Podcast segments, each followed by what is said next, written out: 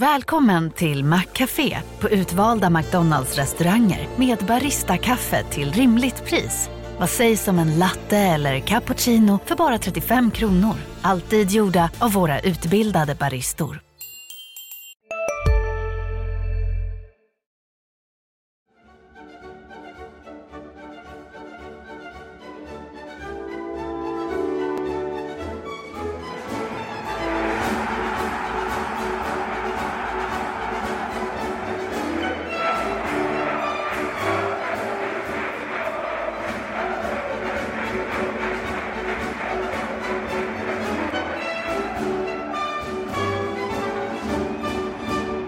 HIF-podden den här veckan, Sebastian Rönnström, Marian Svab och jag, Mattias Hjelm. Jag sitter med ett antal namn i mitt anteckningsblock här. Thomas Rogne, Alexander Faltsetas, Armin Gigovic, Diego Fomasa, Alejandro Bedoya en, en, och ett namn som inte är namngiven, en brasiliansk anfallare. Det är spelare in, eventuellt in och sen kanske det är ett par spelare ut också. Det har spelats en match. HIF har mött Kalmar. Det ska spelas en match. HIF ska möta Djurgården. Ja, ni hör. Och vad kan HIF ställa upp med för lag efter den där Djurgårdsmatchen när spelarna är tillgängliga, de som är nya? Välkomna att följa med oss på säkerligen en intensiv timme igen. Nu, eller vad tror ni? Jo, det har ju hänt eh, grejer här den senaste veckan. Eh, två nya spelare klara, eh, mer på gång. Eh, det, det börjar röra på sig och jag, jag tycker det är intressant med de här eh, nyförvärven utifrån många synsätt. Är det där ni tycker att vi ska börja prata? Jag tycker det. För det är det färskaste. Det som händer i truppen just nu. Så kan vi komma tillbaka till den match som har spelats och som ska spelas. Vad säger ni om den tanken? Det låter bra. Ja, Marian, eh, du får haka i Sebbe här då. Om vi börjar med de här, Thomas Rogne och Alexander Faltsetas. Ja, vi kanske ska säga Armin Gigovic har ju ett, ett eh, slags korttidskontrakt till 31 augusti till att börja med. Men, kan, eh, kan då- försvinna eh, så att säga under nu när det fönstret öppnar den 15 juli. Han vill ju utomlands ju. Mm. Det är konstaterat. Eh, Alexander Falsetas, ehm, är ett lån från Häcken då resten av säsongen. Det är där eh, HIF och sportchefen Andreas Granqvist startar med honom. Han är 35 år gammal också så han har ju han har ju gjort mycket inom fotbollen redan. Thomas Rogne är 32 år har skrivit på ett två och ett halvt års kontrakt. Först och främst så frångår ju de eh, den här lite grann av den här strategin. De har sagt att de ska satsa på unga spelare och sånt. Och, jag kan förstå att man frångår strategin eftersom eh, det visade sig att det höll inte riktigt. Och nu gäller det eh, att eh, rädda vad som räddas kan. Och eh, på det sättet så är ju de här två eh, värvningarna med Thomas Rogne och Alexander Faltsetas eh, både logiska och jag tror att... Och, och, och de är förståndiga också på, på, på det sättet. Upplägget med Faltsetas då eh, som är ett lån eh, där HIF bara tar lönen. Och sen har du då Thomas Rogne som är lite grann på längre sikt. Eh, två spelare som kommer eh, bidra med det som har saknats, med karaktär, med krav, eh, eh, alltså att man kommer ställa krav på omgivningen och så vidare. Eh, fotbollsmässigt, eh, lite svårare att säga var de står idag. Eh, Eh, Faltsetas har inte spelat 90 minuter sedan eh, förra säsongen. Eh, varit bänkad idag. Jag vet inte hur få minuter han har fått ihop. Ja, jag tror det var 36 minu- eh, Ja. minuter totalt, tre och, det, inhopp. och han säger själv att han är i bra form och så. Det kan han säkerligen vara i fysisk form och status. Så det är, ingen, det är nog inga problem det. Sen vet ju alla att det är... Eh, Allsvenskan är en tuff liga. Eh, det är, finns... Eh, man förlorar lite grann kanske i tempo och så. Thomas Rogne eh, varit lite skadebenägen också så. Inte spelat regelbundet. Eh, Men alltså i, att de kommer bidra till det här att eh, eh, så att säga lyfta sin omgivning. Det är nog därför de har värvats i första hand. Eh, Och det kommer de göra, det är jag ganska övertygad om. Sebbe, spelmässigt, vad ser du i de här två spelarna? Eh, nej, men till att börja med så hajar jag till när, eh, när Thomas Rogne presenterades. Det var eh, en spelare, en kategori spelare som jag inte trodde att HIF skulle få in eh, i det här fönstret, i det läget de befinner sig. Eh, han har ju dessutom gjort klart att han, där finns ingen klausul eller något sånt i avtalet som gör att han kan lämna ifall HIF åker ur Allsvenskan. Utan hans ambition är att vara här i, i två och ett halvt år, vilket också är intressant eh, på det sättet. Eh, jag, jag har inte någon jättebra koll på hur han har varit i Polen och, och Grekland nu den senaste tiden, mer än att han Ja men han, det var en period i slutet av förra året som han inte spelade särskilt mycket i Polen. Eh, och sen så har han ju varit, eh, ja men, till större delen ordinarie i Grekland men också i ett lag som åkte ur eh, ligan där. Så det, det, är svårt att säga eh, hur pass bra han är när han väl kommer hit. Men mina minnen av honom är ju från tiden i IFK Göteborg där han ju var allsvenskans kanske bästa mittback. Eh, otroligt viktig och hade det inte varit för honom eh, att han gick eh, sönder korsbandsskadad i augusti 2015 så hade Göteborg mycket väl kunnat vinna det där SM-guldet. Eh, så, eh, nej, det är en ganska imponerande varvning ändå sett till hans eh, meritlista men det återstår väl att se hur pass bra han är här och nu. Falsetas eh, spelar ju 24 matcher, var 15 från start förra säsongen i Häcken. Eh, som Marian var inne på, bara tre korta inhopp eh, i Allsvenskan i år. Ehm, men där, där är det ju en väldigt eh, tydlig profil. Det är ju ett riktigt rivjärn på mittfältet som eh, inte lägger någonting emellan utan det smäller ehm, ordentligt. Eh, det är väl inte den mest spelskickliga typen men det är nog en sån terrier som HF kan behöva på mittfältet sett till hur det har sett ut hittills. Är det inte eh, någonstans ändå sunt? Det där blir ju en ledande fråga, men Marianne, du var inne på det att uppenbarligen har det inte gått som man har tänkt sig när man har satsat på en strategi. Nu gör man om, vi får väl se om man gör rätt också då, men sundheten i att omvärdera sin egen eh, omgivning och konstatera okej, okay, det blev inte som vi har tänkt oss. Ska vi, ska vi korrigera strategin någonstans? Ja, jag... Att inte bara köra på i samma hjulspår. För man har ju satsat väldigt mycket ungt och, eh, ja, ja. Ja, och utvecklingsbart. För att man ska kunna sälja. Det är ju det som har varit strategin. och... Eh, Andreas Granqvist, sportchefen, är ju också eh, ganska ny i gamet. Eller han är det. Eh, det får man veta. Han lär och lär av sina misstag. Uh, och, och, just nu så tycker jag just att han försöker göra någonting uh, och väljer ett annat spår genom att ta in rutin. Han har ju varit ute efter de här sorters karaktärsspelarna faktiskt hela tiden. Det är bara det att de har inte, liksom, de har inte lyckats få dem på plats. Det får han nu, två stycken. Uh, och han, dessutom så ska man ju veta att eh, där är spelare på väg ut. Det är redan utlånat och så. Och, och, och, jag vet inte alls hur lång tid det tar innan man blir en bra sportchef. Men just det här, i de här fallen tycker jag att eh, det känns som att han eh, tänker rätt.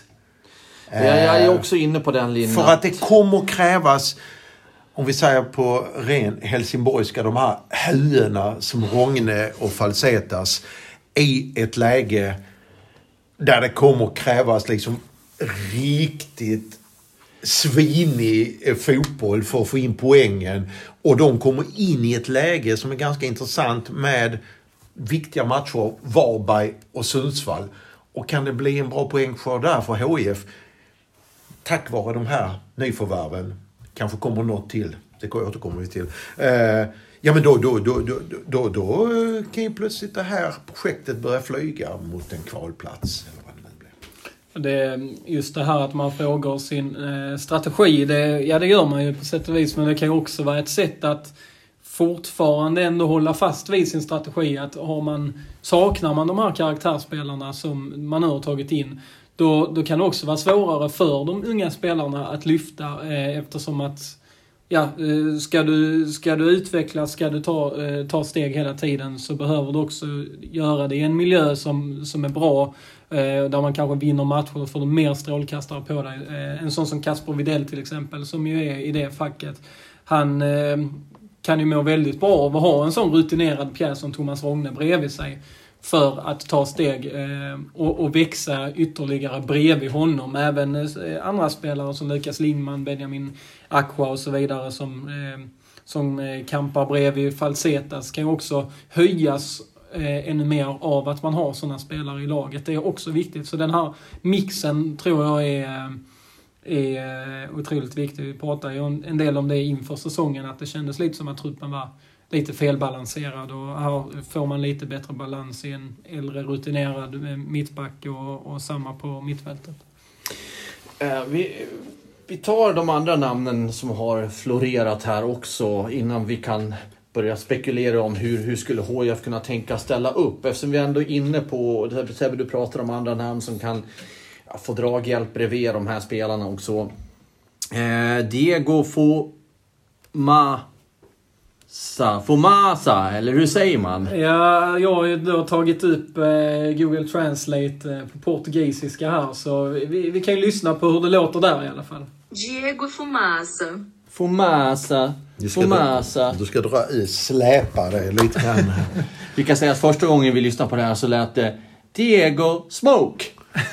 Det betyder... Det var den svenska översättningen. En konstigt med smoke just på svenska. Men kanske betyder fumasa då eh, rök eh, på eh, portugisiska. Mm. I alla fall provspelaren då som är ja, här på prov såklart. Men en defensiv mittfältare från Brasilien. Eh, verkar väl närma sig ett kontrakt om vi har förstått Andreas Granqvist rätt. Alejandro Bedoya som varit i HF var väldigt bra när han var här borta i USA, MLS. Eh, ryktas också då att, eh, ja, Granqvist har ju varit i kontakt, eller försökt kolla av i alla fall, med eh, Bedoya. Och sen finns det också då en eh, ytterligare en brasiliansk eh, spelare, anfallare, som inte eh, vi har något namn på än, men som också sägs vara intressant då. Om vi tar de här spelarna, vad, vad säger ni där?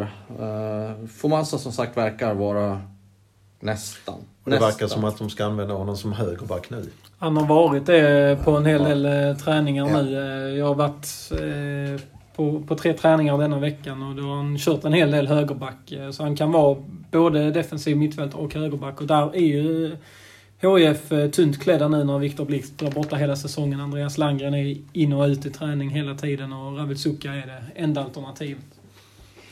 Eh, ja, Bedoya skulle ju såklart vara, även om han har kommit upp i åren också, ett, eh, ett jättelyft för en allsvensk trupp och, och IHF. Vet inte var han står idag. Har inte följt honom sådär jättemycket när han har spelat i amerikanska ligan. Men eh, han är ju lagkapten i Philadelphia. Jag blev lite överraskad när namnet kom upp på bordet. Trodde väl inte, men det, det, det kan bero på andra skäl till varför han kan tänka sig. Han är ju gift eller har sambo eh, med eh, en tjej eh, som har kopplingar hit till Helsingborg. Och, ja, vi vet inte. Det kanske var privata skäl de vill kanske komma hit. Men eh, som jag har förstått det så blir det ingenting i dagsläget. Okej. Okay. Eh, för eh, mycket beroende på att Philadelphia vill såklart inte bli av med spelare. De är mitt i säsongen. Eh, var ganska mycket bättre lön där borta. Ja, men eh, jag tror ändå liksom att det, om, jag, om jag förstod det hela rätt så var han ändå intresserad. Eh, och eh, det är klart, där har du ju den här också, eh, djupledslöparen och med honom i en, tillba alltså en sån här, vad heter det, tillbakadragen roll, offensiv roll bakom till exempel Anthony van den Hurk. Det hade kunnat hända saker där. En väldigt spelskicklig spelare. Kanske inte den, den snabbaste. Inte nu heller när han är 35, men han har ju väldigt fina fötter och hade ju kunnat eh, kombinera väldigt bra. En otroligt sympatisk människa dessutom. Ja, det jag minns från, mm. från hans tid här senast. Och sen en brasiliansk anfallare då, om det nu blir om det. Blir, det kan bli också andra liksom. Men, men de letar brett i alla fall. Men eh, det är ju... Eh, jag förstår ju eftersom Alvaro Santos har de kontakterna har och eh, dessutom har de lyssnat med lite annat folk som eh, har eh, enligt Andreas Granqvist att de har lite grann scouting där i, eh, på, på diverse håll. Eh, så det kan bli Sydamerika, det kan bli, men det kan ju kanske bli någonting från Skandinavien också. Kan, troligtvis kanske ett lån också. Eh, det är nog där vi hamnar tror jag i dagsläget. För det måste ju ut lite fler spelare också. Ska sägas där att Andreas Granqvist inte eh, tvingetvis söker de egenskaperna i form av eh, ledare och karaktärer just Nej. till anfallsrollen. Utan där var det mer fokus på det när man letar mittback och, och inom mittfältare. Nu är det kanske lite andra egenskaper man söker eh, hos en anfallare. Men det vi i alla fall vet nu det är att Thomas Rogne och Alexander Faltsetas är klara för spel i HIF från 15 juli. Armin Gigovic kvar tills vidare. Förmodligen Diego Fomasa också då. Och då, eh, utifrån de hållpunkterna, hur kan HIF tänka ställa upp? Första matchen med alla tillgängliga då är väl Varberg va, 18 juli. Ja, det ska bli väldigt intressant att, att se. Eh, Nu är ju eh, Ali Suljic skadad. Vilket gör att allt pekar på att det är Kasper Widell bredvid Thomas Rogne. Eh, Jag har ju svårt att se Emil Hell, där går nog ändå Kasper Widell före Emil Hellman som eh, ändå har gjort det bra här i de två matcherna. Det Eh, tror jag vi kan så nästan Vi- slå Widell och Rogne känns ju som mittbacksparet. Eh, Sen när Sulic är tillbaka, då lär det bli en duell mellan han och, och Widell. Där är ju... De är ju... Ja, Sulic är nog betydligt mer liksom konkurrenskraftig också där. Så eh, där ska det bli intressant att se. Men det dröjer ju lite innan, innan vi är där.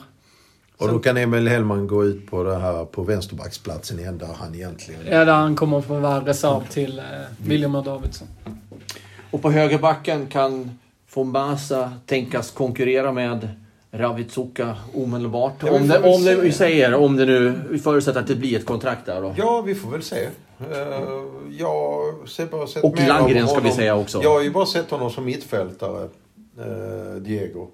Eh, jag har inte sett honom som högerback. Det kan säkert se. det- Du får ju lite grann, du får en annan profil på honom än vad du får på Ravitsuka. Ja.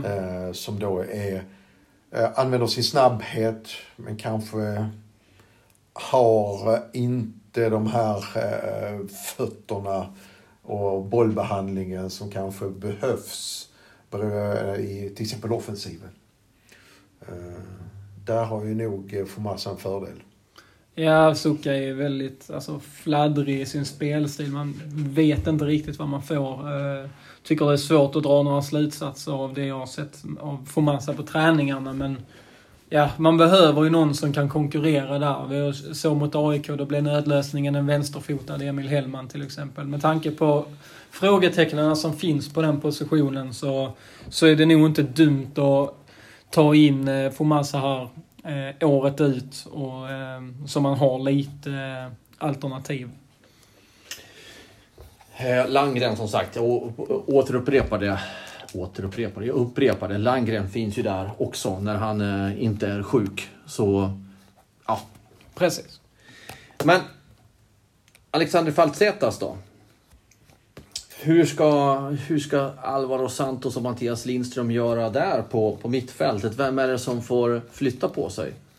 Det blir eh, mer intressant, eh, åtminstone kortsiktigt då, eh, än vad det är på, på mittbackspositionerna. För jag förutsätter ju att man ser att Falsetas går rätt in och tar en plats. Ja, annars, annars är det ju helt, obegripligt, helt obegripligt annat att, att man har varvat honom. Ehm, Just nu har det ju varit Aqua och Lingman. ehm, Där Aqua han är ju både den här gnuggaren som vinner dueller och, och är fysisk i sitt spel, men också väldigt kvicka fötter, teknisk, eh, kan driva fram boll. Lingman är väl mer av eh, den, den spelskickliga eh, typen, mer renodlad så sett. Där, är, där blir det intressant att se hur man gör. Jag är ju sugen på att se konstellationen Falsetas Aqua, för det, som Marian var inne på innan, det, det kommer liksom matcher nu där HF behöver eh, kämpa ordentligt och det kommer att smälla. Och med de två där inne, det är inget roligt mittfält att ha emot sig. För det kommer att göra ont att möta eh, de två. Eh, jag, jag, och just med tanke på att Aqua ändå har de här spelmässiga kvaliteterna också, så tror jag att det hade varit eh, man hade gjort det tufft för motståndarna om man kört med de två eh, på mittfältet. Kan det finnas en eh, frågeställning i det faktum att Aqua kanske blandar och ger lite mer än Lukas Lingman. Jag tänker bara på de två senaste matcherna där han går från att vara jättebra mot Malmö till att vara ganska blek mot Kalmar. Medan Lukas Lingman kanske inte har de topparna och dalarna. Eh, Kan det vara en frågeställning? Lukas Lindman hade inga toppar alls till när han, i början av serien. Nu.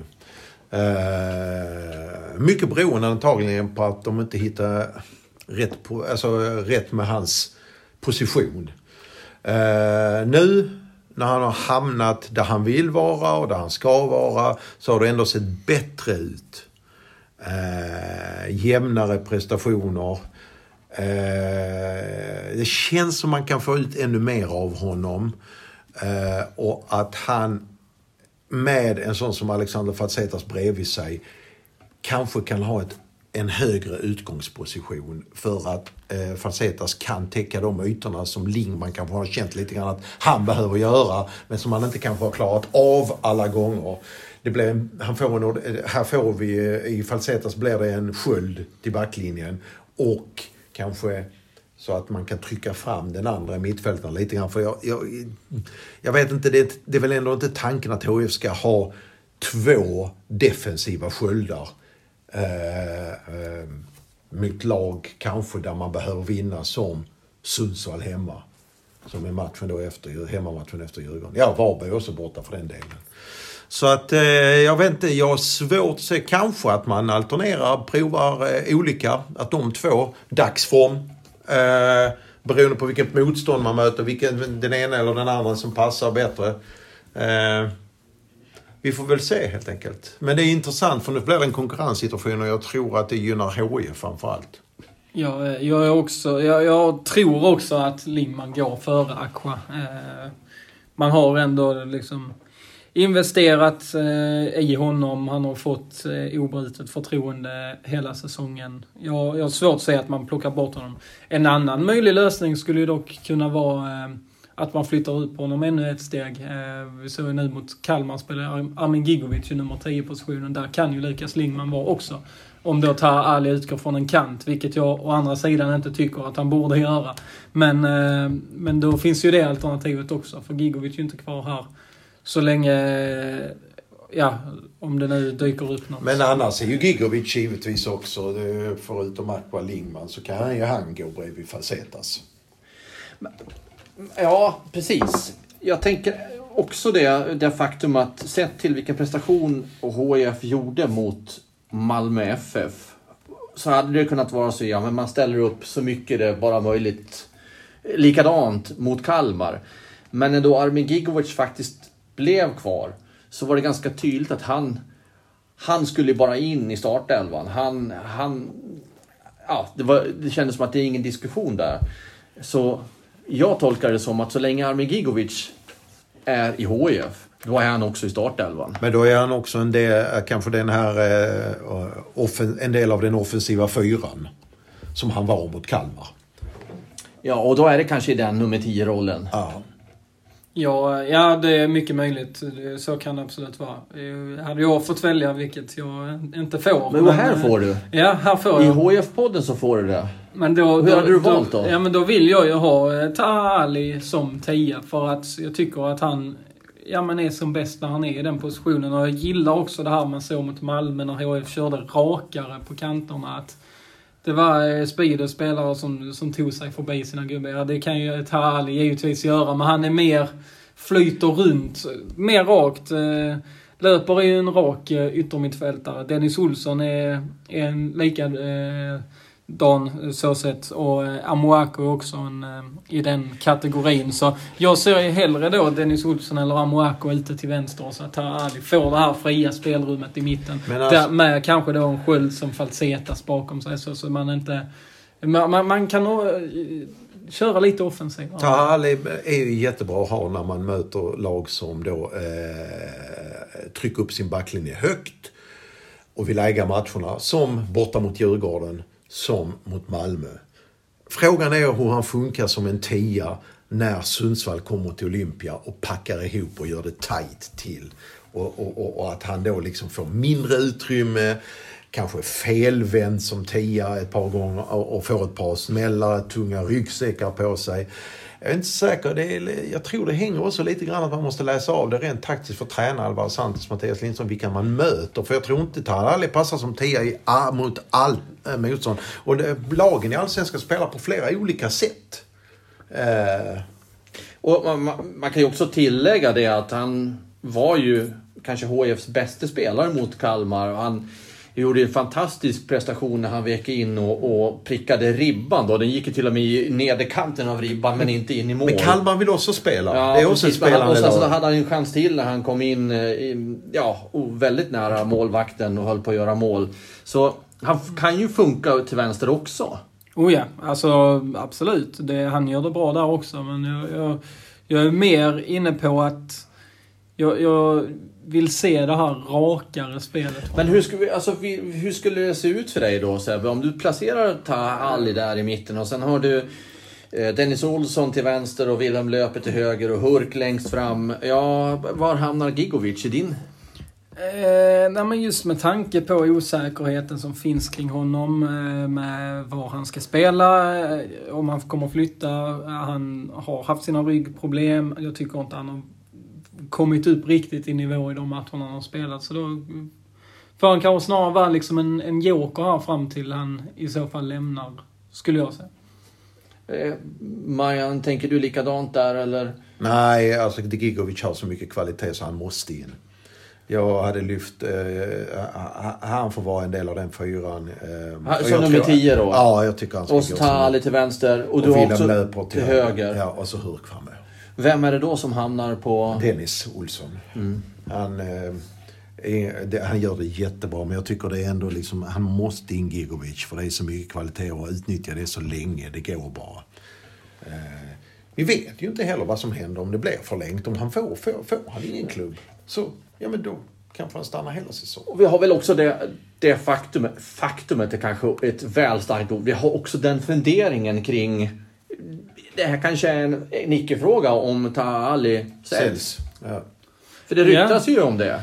Ja, det kom det ju. Det var Fotbollskanalen som gick ut eh, med uppgifter om att eh, tre europeiska klubbar, italienska Serie A-nykomlingen Lecce, eh, nederländska Vitesse och portugisiska Braga är ute efter Tar Ali Lecce ska dessutom eh, ha varit redo att lägga ett bud på mellan 10 och 12 miljoner, men HF eh, ville ha mer. Eh, så eh, ja, det är väl naturligt att det börjar liksom spekuleras. Det är en väldigt sevärd spelare och så, men jag tror inte man ska kanske förvänta sig några sådana här supersummor. Eh, även om Tar Ali är en stor talang så är han ändå 24 år och många europeiska klubbar köper på potential och, eh, och ålder. Eh, hade han varit 18-19 hade HF kunnat få extremt mycket pengar för honom. Det är inte riktigt samma förhandlingsläge från 24. Vad, vad kostade honom? Var det, var det 3 eller 4 miljoner? Vad var det? Vet vi det? Ja, 3-4 miljoner. 3-4 miljoner. Alltså skulle det vara 10-12 så skulle det vara en, en fyrdubbling i princip. På väldigt kort tid. På väldigt kort tid. Och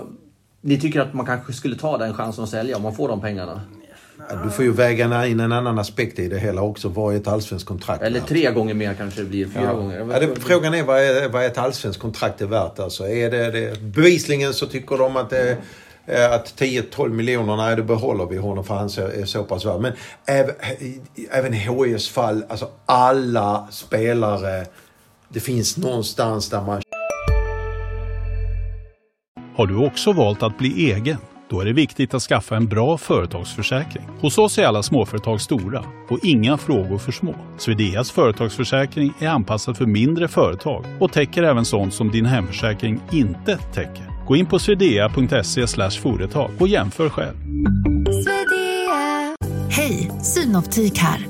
Hos oss får du hjälp med att ta hand om din ögonhälsa. Med vår synundersökning kan vi upptäcka både synförändringar och tecken på vanliga ögonsjukdomar. Boka tid på synoptik.se. Känner att nu måste vi sälja för vi har fått så pass bra betalt. Och det gäller HIF också, även om man slåss för ett nytt allsvenskt kontrakt. Att någonstans kommer det kanske en summa som man inte kan tacka nej till helt enkelt. Oberoende av hur det ser ut det sportsliga i tabe- tabellen. Men utifrån vad de har köpt honom för och vad de kanske kan få redan nu om man vill ha mer. Men, men det är ändå en väldigt hög procentuell utveckling om det skulle vara 10 till 12 miljoner. Man kanske inte ska gapa efter mer, eller? Ja, alltså... Ja, men jag är inne på samma där som Marian. Liksom, vad ett allsvenskt kontrakt är värt. För Taali har varit så fundamentalt viktig för den här offensiven. Och ja, det skulle det vara om man får in en, en spelare av den kalibern. Men det är också liksom svårt att, att hitta för en, för en rimlig peng. Eh, så... Ja, jag- det, det är väl lite i, i minsta laget skulle jag säga, den summan. Eh, där tycker jag HF gör rätt om de kräver mer. Men eh, att det ska ut på några fantasisummor tror jag inte man ska förvänta sig just med tanke... Alltså visst, 24 år är ungt fortfarande, men för europeiska klubbar som varvar unga spelare så är det inte ungt att vara eh, 24 år gammal. Ska vi släppa detta ämne nu med spelarna så vi hinner med någonting annat också i den här veckans HIF-podden. Vi tar oss tillbaka lite grann. För Marianne, du och jag var ju på plats när HIF tog emot Kalmar. Det blev 1-1 till slut efter en, en sen straff som Amin Al Hamawi fixade. Och som Anthony van den Hurk var väldigt säker på, och som han själv sa efteråt till mig, att ja, det, det kan man ju säga efteråt, det är så det kan se ut. Men det såg ju verkligen så ut. Högt upp, mot krysset. Målvakten åt andra hållet. En viktig, viktig poäng för HIF som gjorde en, en sammantaget ändå en, en ny bra insats. Eh, även om Kalmar kanske inte var superanfallsrikt i, i andra halvlek. Jag tycker HIFs första halvlek är bättre egentligen. Där man dessutom skapar någon chans för fram till straffen i andra halvlek. Ja, och det är klart De att HIF, mycket befi- HIF befinner sig en hel del med boll på Kalmars planhalva. Men Kalmar liksom styr ut HIF till ofarliga ytor. Och egentligen innan straffen, jag, möjligt jag har fel här nu men jag kan inte påminna Nej, mig minnas. att man har radat upp, Nej, heter, nej, ens nej. om något. Nej, jag tror inte det var Däremot, riktigt... lägena kom i första halvlek för HIF. Eh, så den, eh, sett till det så tycker jag att... eh, och då var i Kalmar också bra. Som fotbollsmatch var det ju en bättre match i första halvlek. Ja, det var det. Men det är en stark poäng med tanke på att Kalmar, hur pass bra de är och har gått. Eh, Så tycker jag det är en stark poäng. Eh, Sen fanns det ju skönhetsfläckar också. Återigen ett insläppt mål eh, via en fast situation. Och vi vill hoppas att Rogne och Falsetas, som Falsetas är också bra på huvudet, att man får lite mer ordning och reda på eh, vad det gäller att försvara fasta situationer. Nu ser ju han ganska stor ut i och för sig, Saetra, men ändå när man tittar på den eh, reprisen av det Ja, målet. fast där det- bollen går över Kasper Videll och sen är det tre HIF-are till mot Saetra. Ja, det, det har ju varit ett återkommande problem för HF. Redan på försäsongen eh, såg man ju de tendenserna. Eh, och sen kom det i premiären mot Hammarby. Det var någon match eh, efter där också. Eh, där HF har haft problem på fasta situationer. Och, Malmö eh, också va? Malmö också. Eh, det har varit liksom markeringsmissar, det har varit ja, flera olika saker som inte har stämt där. Och det, det behöver åtgärdas, eh, så är det. Men sen så såg du ju spelmässigt, ja men det var ju... Ja men det var lite blandat. Men ändå liksom lägsta nivån var ju, eh, eh, hade höjts jämfört med kanske eh, då precis innan uppehållet när det, kurvan pekade rakt ner den spelmässiga och allt. Jag tror att man har fått in lite självförtroende i truppen och där Ja men sammantaget så ser det väl ut som att Alvar Santos och Mattias Lindström åtminstone eh, har fått en eh, bra start. Även om det saknas segrar fortfarande, tre poängar. Det måste in nu. Eh, vi har ju pratat om det där. Ja. Jag har ju då försökt, eh, försökt förmildra deras eh, någonstans omständighet utifrån vilken period av matcher de är inne, hur motståndarna faktiskt är. Det, det har varit i princip idel lag för toppstriden. Så någonstans kommer väl beviset på vad Lindström och Santos har lyckats med när Ja, i och för sig nu kommer Djurgården, men efter det och framåt en hel räcka matcher. Men nog ser det väl ut som, tycker jag i alla fall, att det finns en annan inställning och en annan intensitet och, och attackvilja. Jo, men absolut. Det, jag, jag håller med. Det, jag, man ser ju tecken på förbättring. Och det kanske kommer ännu fler nu när de får in nytt blod i truppen. Det vet jag inte. Eh, och, och, och ehm, har den här eh, processen, mm, eh, går den tillräckligt snabbt? Skulle den börja tidigare? Ja, det vet vi inte än ju såklart ju. Men eh, det här med, jag köper inte riktigt det här med att, som ni är inne på, ja men de möter topplagen. Ja, men det finns ju lag faktiskt här nere som eh, ligger runt HIF som möter också topplag och där man har lyckats vinna. Sundsvall vann mot Malmö hemma, till exempel. Så jag köper inte riktigt det där med att man ska komma undan med att ja, men det har varit tuffa matcher, det har varit AIK. och det- Ja, men gör man rätt saker så tror jag att HIF kan eh, ta poäng i betydligt fler matcher än vad man har gjort. Och, fler. och det är fortfarande som sagt en seger under 2022. Det ska vi inte glömma.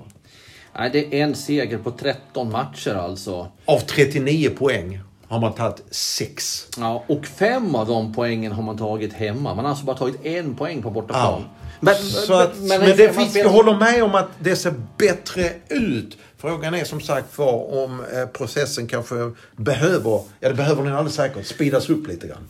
Ali hade två jättechanser som han skapade, inte helt på egen hand men nästan. Eh, Och eh, Wilhelm Löper hade ett vänsterskott som målvakten var nere djupt och räddade vid. Det var ju tre stora lägen i alla fall i första halvlek för, för HIF. Men man fick med sig en poäng då. Vi kanske ska släppa den matchen eh, och titta framåt mot matchen mot Djurgården. För det är... Eh, det är ingen lek. Det kan vi säga, det är ingen lek. Det blir också matchen mot Djurgården, det kan, kan vara värt att ha med sig en liten passus här. Matchen mot Djurgården hemma blir alltså den åttonde hemmamatchen av 14 då. Det innebär att man har ju några matcher att ta igen på bortaplan. Det är ju Av 15 faktiskt- menar du? Nej, det är väl 14 matchen de spelar nu. Ja, är det 14? Ja, okej, jag tyckte du sa att det var 14 hemmamatcher. Att, Nej, nej, nej, jag, nej, jag menar så här, jag fattar. alltså... jag fattar.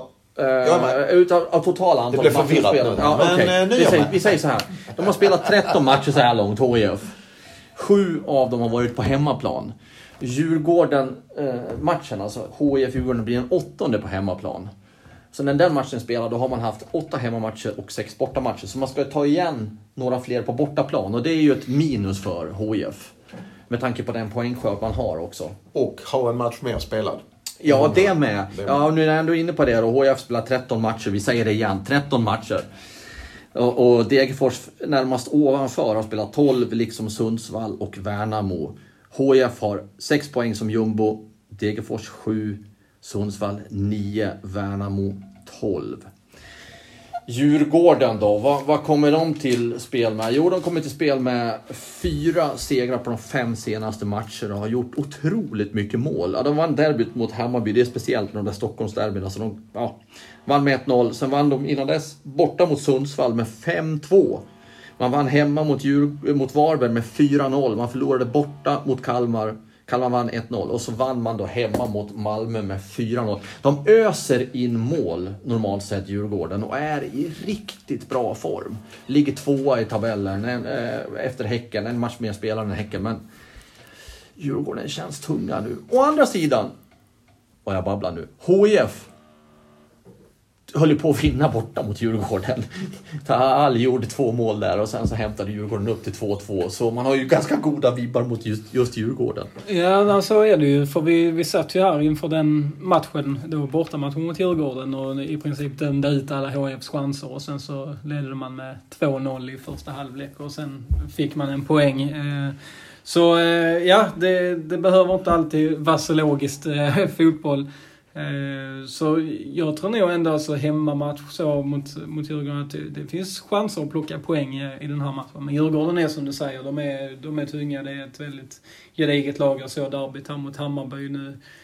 Hammarby hade ju ganska bra tryck men Djurgården eh, drog det längsta strået. Inhopparen eh, Gustav Wikheim eh, från, eh, från kritiserad eh, till eh, hjälte på, på nolltid. Eh, de, de har ju framförallt ofta avbytare som kommer in. Alltså det är inte första gången en avbytare kommer in och liksom sätter ton. Även Emanuel Banda som är ofta hoppar in i matcherna och, och sätter en prägel. Så de har ju ofta mycket alternativ att, att jobba med. De har haft samma tränare nu ett tag. Mm. Som har, alltså de, har ju, de är ju mycket mer färdiga som lag än det Alvaro Santos och Mattias Lindström försöker göra av nu.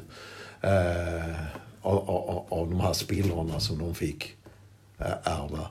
Och, och, och där har ju Djurgården är ju mycket längre framme med det. Men eh, det är också så att Djurgården är ju... Ehm, eh, går ju att prata med faktiskt när det gäller underlag. De är ju lite de är inte lika bra på vanligt gräsunderlag än konstgräs. Nej, det är en Eh, viktig poäng att ha med. Eh, Det ska man ju veta liksom. Kollar du de matcherna som eh, man har vunnit, som du säger, 4-5, hur många har varit Nej, på? det är sant. Det är sant. Den eh, aspekten la jag inte in. Det finns ju ett underlag också. de, de förlorade en match för den var på gräs mot Kalmar. Ja. Resten, fyra segrarna är på konstgräs.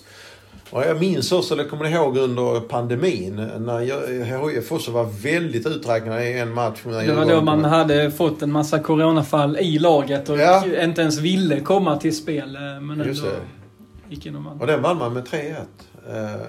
Kunde till och med Alhaji Gero göra mål i den matchen. Ja, precis. Så att, eh, nej, men det är klart att det finns, och det är det jag säger, ja de möter ett topplag då. Men eh, gör man bara rätt grejer och eh, som du säger, de har fått in lite go i truppen, de nya tränarduon.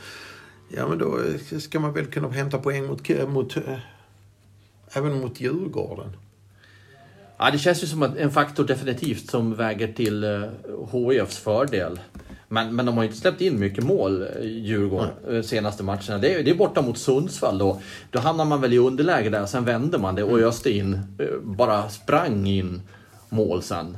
Men annars har de ju inte släppt in något mål Det hade på, varit, på sista det fem. hade ju varit helt perfekt att få HIF att vinna kanske till och med en sån här match med tanke på att eh, man Det gör skulle alltid vara perfekt för HIF att vinna Ja, det skulle sant. nu. Men eh, man gör det dessutom utan nyförvärven.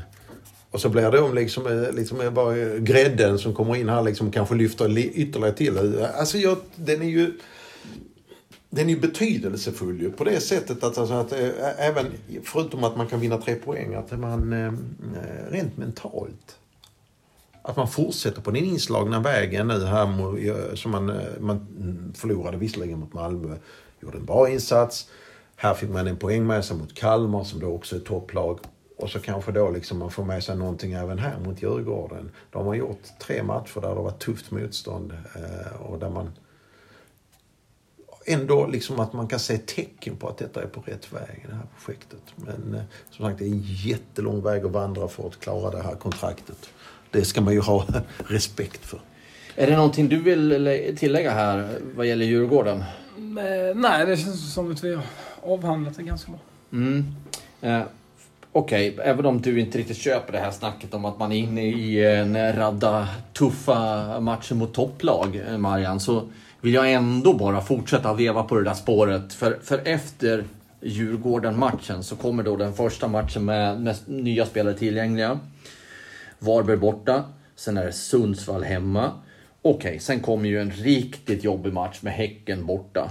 Men sen kommer Sirius hemma, Sundsvall borta, Mjällby hemma, Värnamo borta. Det är ju det är en viss eh, nyansskillnad på det sjoket matcher, Häcken undantaget jämfört med den, eh, den period man varit inne i nu. nu. Nu kommer förmodligen mycket avgöras under de kommande, vad blir det då?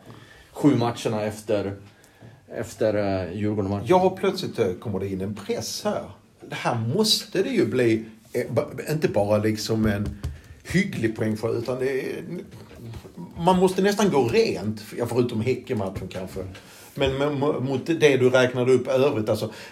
De, I och med att man har förlorat mot Degerfors borta, Och Värnamo hemma. Värnamo hemma, så är man plötsligt minus i den delen av tabellen mot de här inbördesmötena. Och, och, och, och då, då, jag menar, då ökar ju pressen. eh, Men då har ju HF lite andra pjäser inne också som kan eh, kanske...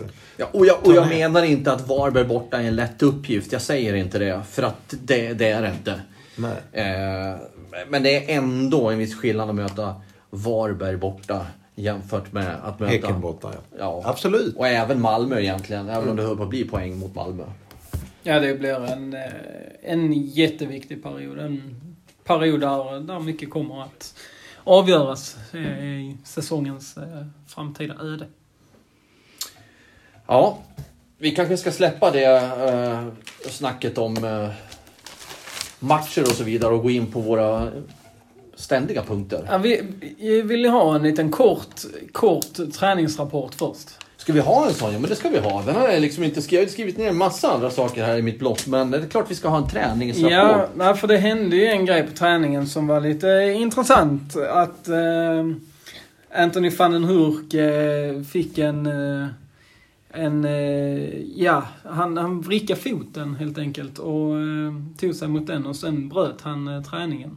Men jag har varit i kontakt med Mattias Lindström som säger att han bör vara i träning på lördag igen. Så eh, det ska inte vara eh, någonting allvarligt eh, med Anthony van den Hurk. Men det var nog många, det var rätt, rätt mycket folk faktiskt och, och kolla på träningen. Så det var nog, nog många som kanske blev lite, lite nojiga där när de såg att han klev av. Dessutom Lukas Lingman var inte med på träningen igår på grund av känning. Sprang vid sidan av idag. Men ska också inte vara någon fara eh, för honom. Kalle Joelsson missade också träningen igår på grund av känning men stod i mål eh, idag. Eh, Landgren var väl... Landgren var med, var med Han började träna fullt förra...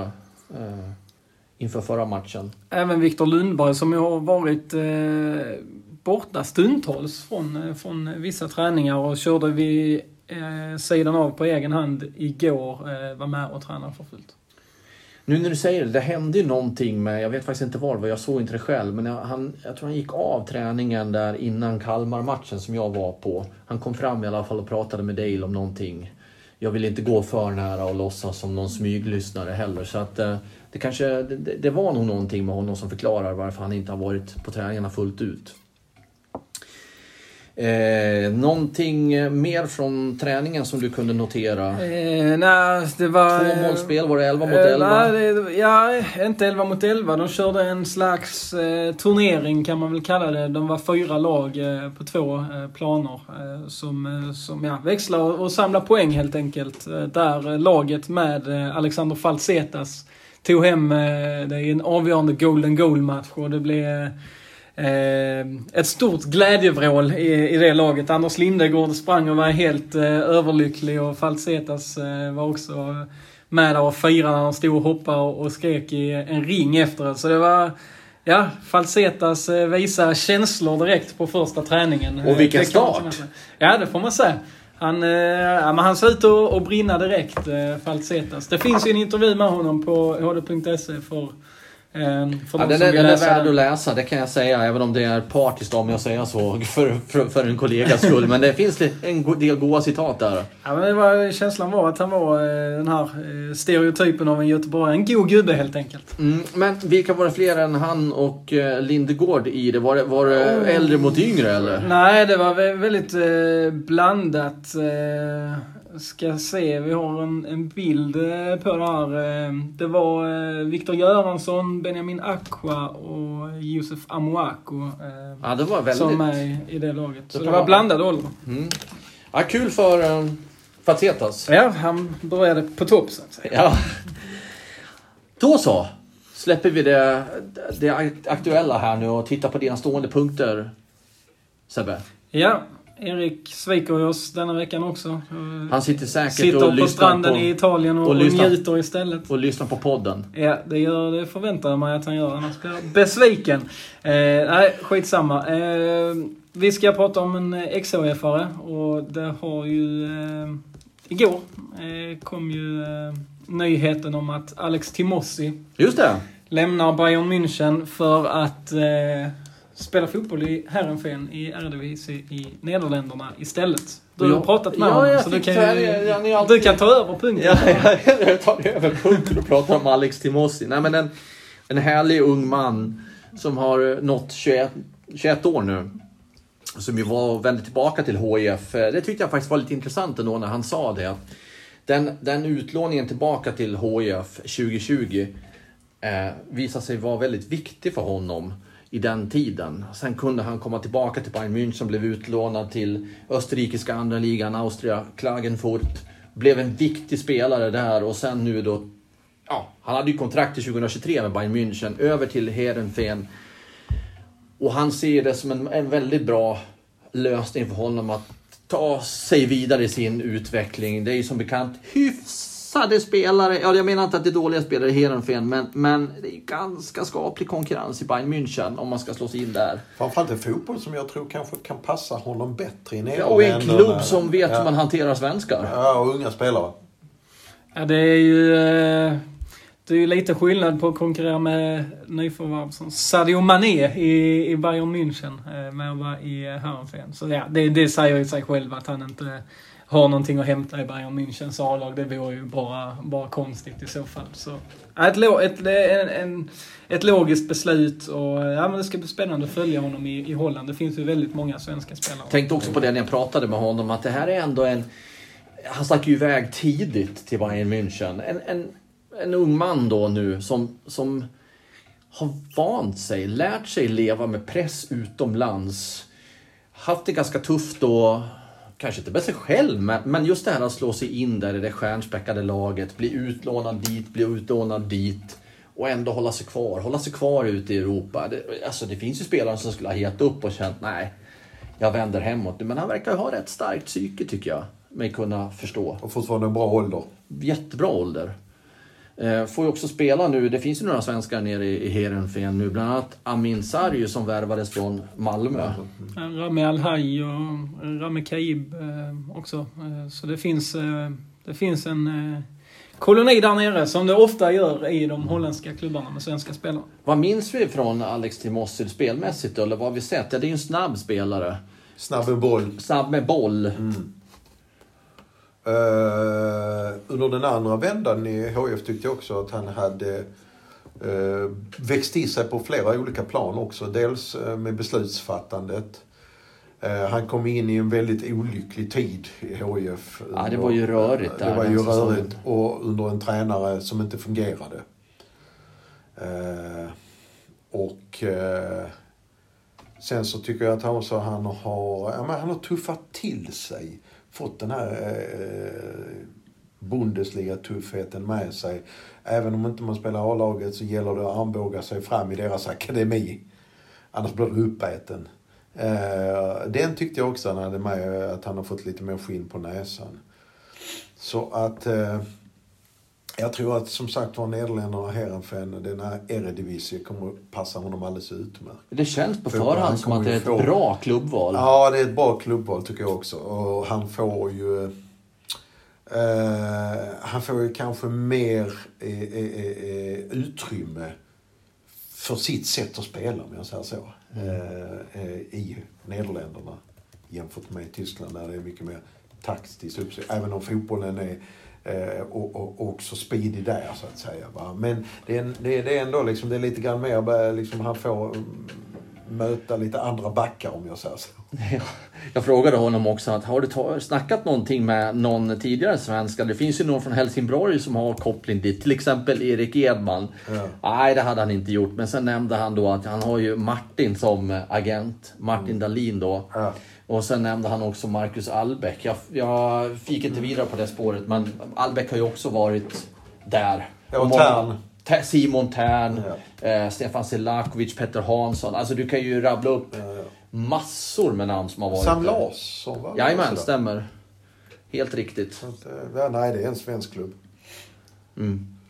Ja, Det blir spännande att följa hans utveckling där och se vart han tar vägen och, och om det visar sig att det blev så lyckat som han tror att det kommer att bli. Och en dag kanske han återvänder till HIF. Vem vet? Ja. Han, han följer ju fortfarande HIF, han har det- koll på HIF. Nej, familjen är väldigt pro HIF. Så att... Eh, vi får se. Först ska han vara ute ett par år till i Europa, tycker jag. Ja, det var du som tog upp. Det var vi som snackade. Ja, ja men det var trevligt. Eh, nu ska vi ut i vida världen.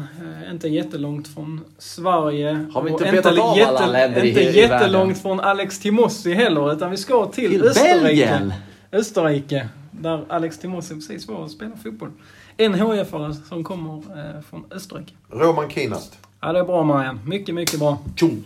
Mycket bra. Roman Kinast, idag 38 år gammal och spelar i Milord Blanco, eh, en österrikisk klubb eh, vars eh, serietillhörighet jag inte har... Han verkar vara... Han verkar... Men det är inte aktuellt för HIF idag alltså? Nej, Det är han inte. Nu blir lite Han var tre år här. yngre hade han varit aktuell. Han gick, 35. han gick till Milord Blanco i februari i år. Och nu står det “Currently working as manager” i Vienna Youth. Så jag, han ja, verkar vara tränare och spelare på samma gång. Eh, li, lite oklart, men eh, Mycket sympatisk ung man. det var ju en, en spelare, han hade ju eh, varit i... Eh, Som inte är så ung Den österrikiska eh, EM-truppen. Österrike hade ju EM 2008 tillsammans med Schweiz. eh, Och sen kom Roman Kinas från norska Hamkam till HIF. Gjorde ju bara ett halvår innan han återvände till, till Hamkam. Och sen så har han varit i en eh, rad eh, österrikiska klubbar och eh, även en vända i Schweiz eh, om jag ser rätt här. Han har ett fint facit i österrikiska Bundesliga. Eh, 62 mål och 19 assist på 225 matcher. Ja men fint målfacit även i, i norska andra ligan och så här. Så eh, ja, det var ju... Eh, han slog väl inte jätteväl ut i HIF. Men trevlig som sagt. Tre, tre mål och en assist på 12 allsvenska matcher, förvisso. Eh, Det är väl inte så tokigt. Nej. Det var väl kanske att man hade andra krav på anfallarna på den tiden när HIF var i toppen av allsvenskan. Vi kanske, borde, vi kanske borde ringa upp de här gamla oif och göra eh, nå- någon text på dem och se vad som har hänt med dem. Det hade ju varit Kanske- väldigt spännande. Kanske skulle vara uppskattat bland läsare. Kanske. Ja, ja. Det var det. Det var det. Och det var nog det är för vi i hela mål? Är vi i mål nu? Jag tror det. Ja. Med HIF-podden den här veckan. Hur eh, blir det framöver igen? Hur blir det framöver? Nu splittas vi på lite olika semesterveckor så att det Ja, kanske... nu ska ju både jag och du gå på semester, Hjelm. Och Ja. Erik är på semester. Så, ja det är väl Erik som kommer tillbaka först av oss och då är frågan om Marian är kvar. Vi får väl helt enkelt hålla det öppet hur, eh, hur det blir. Vi, vi kan inte utlova några... Inte just Poddar. kanske i den, på den här plattformen men vi kommer ju Ja, vi- ösa på, på de andra, i de andra kanalerna. Såvida inte vi kan få ihop någon intervjupodd. Ja, det återstår att se. Japp. Det kanske kommer. Ni får hålla ögonen öppna. Ni kommer bli varse såklart. Och öronen. Och öronen. Precis. Först ögonen så att ni kan eh, öppna öronen.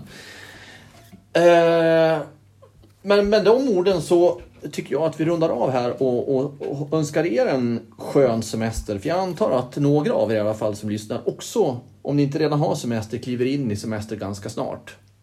Hoppas ni får njuta av den och, och så säger vi ta hand om er och så hörs vi när vi hörs.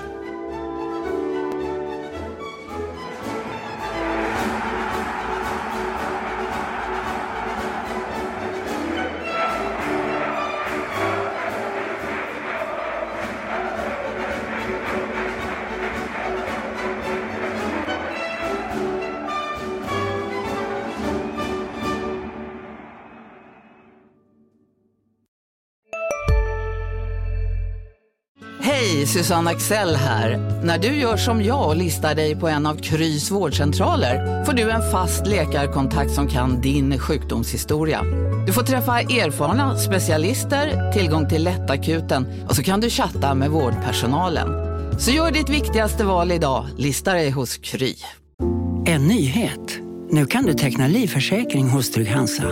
Den ger dina nära ersättning som kan användas på det sätt som hjälper bäst. En försäkring för dig och till de som älskar dig. Läs mer och teckna på trygghansa.se. Trygg Hansa. Trygghet för livet.